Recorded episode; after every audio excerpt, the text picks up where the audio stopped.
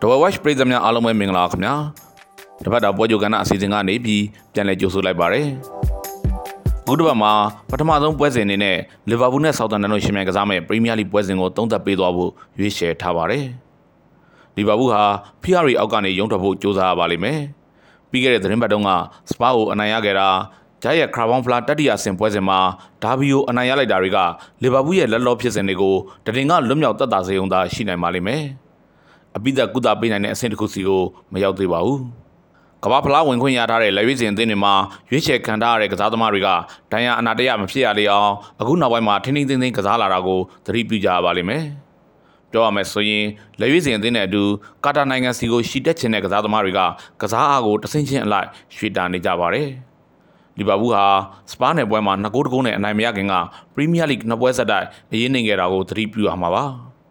အခုပွဲစဉ်မှာလီဗာပူးကိုလာအောင်ရင်ဆိုင်မဲ့ဆောက်တန်တန်ကအကြပ်ဘက်ကိုထိုးဆင်းနေပါတယ်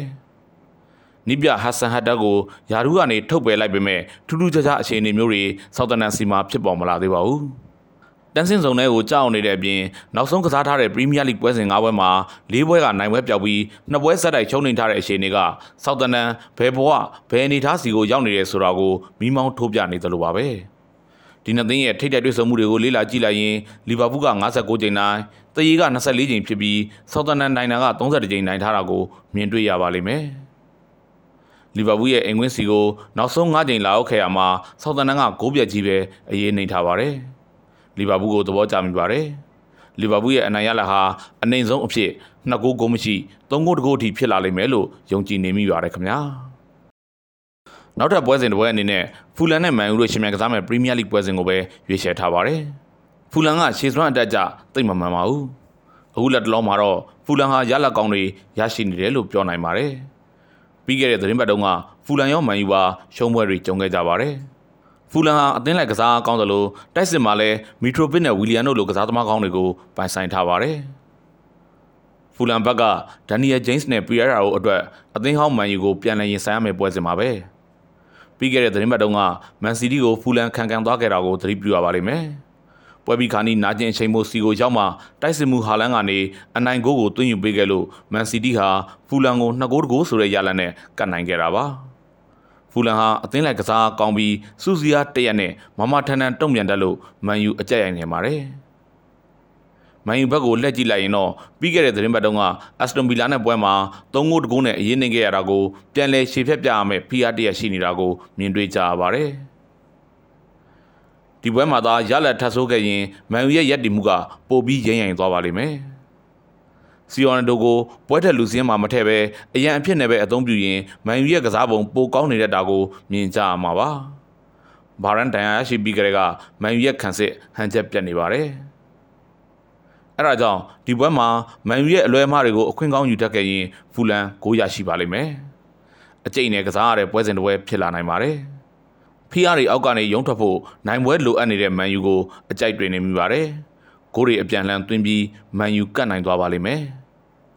။နောက်ထပ်ပွဲစဉ်တစ်ပွဲအနေနဲ့ပြင်သစ်လီဂူပွဲစဉ်တစ်ပွဲကိုထူးထူးခြားခြားရွေးချယ်ပေးလိုက်ပါတယ်။ PSG နဲ့ Ozil တို့အားပြိုင်မဲ့ပွဲစဉ်မှာပဲ။ Ozil ဟာအတိတ်ကာလတုန်းကတော့မာကျောတောင်းတင်တဲ့အသင်းအဖြစ်ရပ်တည်ခဲ့ဥပါတယ်။ဒါပေမဲ့တန်းစင်းသွားခဲ့ရပြီးမှတော့ Ozil ကအရင်အနေထားစီကိုပြန်မရောက်နိုင်တော့ပါဘူး။ရွှေထီးဆောင်ခဲ့တဲ့ Ozil ဟာအတိတ်မှာကြံနေရခဲ့ပြီလို့တောင်ပြောနိုင်ပါတယ်။လက်ရှိစွမ်းဆောင်ရည်တွေကိုလေ့လာကြည့်လိုက်မယ်ဆိုရင်လည်းအော်ဈေးရဲ့အနေအထားကတမ်းမစင်းရရဲ့အတွက်သာစ조사ရုံးကန်ရတယ်လို့ဖြစ်နေပါတယ်။ တိုက်စစ်လုံးအနှုံရောကြနေသလိုခန်းစစ်ကလည်းပွင့်ထွက်လွန်နေတာကြောင့် PSG ကိုခံကန်မှုဆိုတာဟာအော်ဈေးအတွက်မဖြစ်နိုင်တော့ပါဘူး။ PSG ကတော့လက်တလုံးမှာရှုံးပွဲမရှိမှတ်တမ်းနဲ့မင်းမှုနေပါတယ်။ပြင်သစ်လီဂူရဲ့ဂိုးအများဆုံးသွင်းယူထားသူမှတ်တမ်းကိုကြည့်လိုက်ရင်လည်း PSG တိုက်စစ်မှုတွေဖြစ်ကြတဲ့နေမာနဲ့အမ်ဘတ်ပေတို့ကထိတ်ဆုံးနေရာကနေဥဆောင်နေကြတာပါ။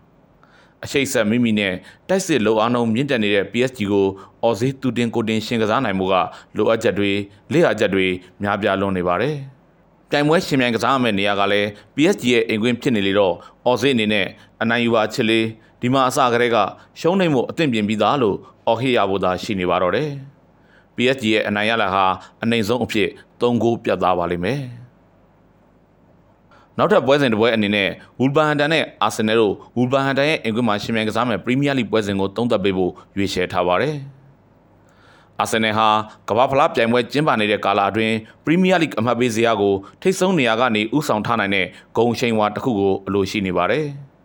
ဂျာရက်တုံးကခရာဘောင်းဖလားတတိယအဆင့်ပွဲစဉ်မှာ Brighton ကိုအာဆင်နယ်အရင်နေလိုက်ရပေမဲ့သတိပြုရမယ့်အချက်တစ်ခုကတော့အဲ့ဒီပွဲစဉ်မှာအဓိကကစားသမားအများစုကိုအာဆင်နယ်ကအနာပေးထားခဲ့တယ်ဆိုတာပါပဲ။ ရှက်စီကိုတကူကိုမရှိနဲ့အနိုင်ရခဲ့တဲ့ပရီးမီးယားလိပွဲစဉ်ကလူစင်းကိုလူဆယ်ယောက်အထိအာဆင်နယ်နီးပြအာဒီတာကအပြောင်းလဲလုပ်ပြီး Brighton ကိုရင်ဆိုင်သွားခဲ့တာပဲဖြစ်ပါတယ်။အခုပွဲစဉ်မှာတော့အမာခံပွဲတက်ကစားသမားတွေကိုနီးပြအာဒီတာကကျင်းသေးပေါက်ပြန်သုံးမှာပါ။ဝူလ်ဗန်ဟန်တန်ကတော့ပြီးခဲ့တဲ့ဘောလုံးရာသီတုန်းကလိုအစိတ်တောင်မရှိတော့ပါဘူး။တန်းစင်စုံထဲကိုရောက်ရှိနေတဲ့အပြင်နောက်ဆုံးကစားထားတဲ့ပရီးမီးယားလိပွဲစဉ်လေးပွဲမှာနိုင်ပွဲလုံးဝပျောက်ဆုံးခဲ့တာကဝူလ်ဗန်ဟန်တန်ပါပဲ။ အဲ့ဒီပွဲစဉ်၄ပွဲမှာဝူလ်ဗန်ဟန်တန်ကတပွဲသာတည်ရရှိပြီး၃ပွဲတောင်ရှုံးနေထားတာကိုမြင်တွေ့ရပါတယ်။အာဆင်နယ်ဟာခရာဘောင်းဖလားကိုတိတ်ကူးမဆိုင်တော့ပဲအင်ကွင်းပရိသတ်ရှေ့မှောက်မှာတော့အရှုံးခံလိုက်တာကပရီးမီးယားလိဂ် FA ဖလားနဲ့ယူရိုပါလိတို့လိုပြိုင်ပွဲကြီးတွေဘက်ကိုပို့ပြီးအောင်ဆိုင်ရှင်တာကြောင့်ဖြစ်လိမ့်မယ်လို့ယူဆမိပါတယ်။ဒီပွဲမှာခရာဘောင်းဖလားတတိယအဆင့်ပွဲစဉ်ကစားတဲ့ပုံစံနဲ့လုံးဝကိုကွဲပြားခြားနားနေတဲ့အာဆင်နယ်အသစ်ကိုပြန်မြင်ကြပါလိမ့်မယ်။ အာဆင်နယ်အနိုင်ရသွားပါလိမ့်မယ်။အနိုင်ရလာဟာနှစ်ဂိုးကိုမရှိတော့ဖြစ်နိုင်တယ်လို့ယူဆမိပါတယ်ခင်ဗျာ။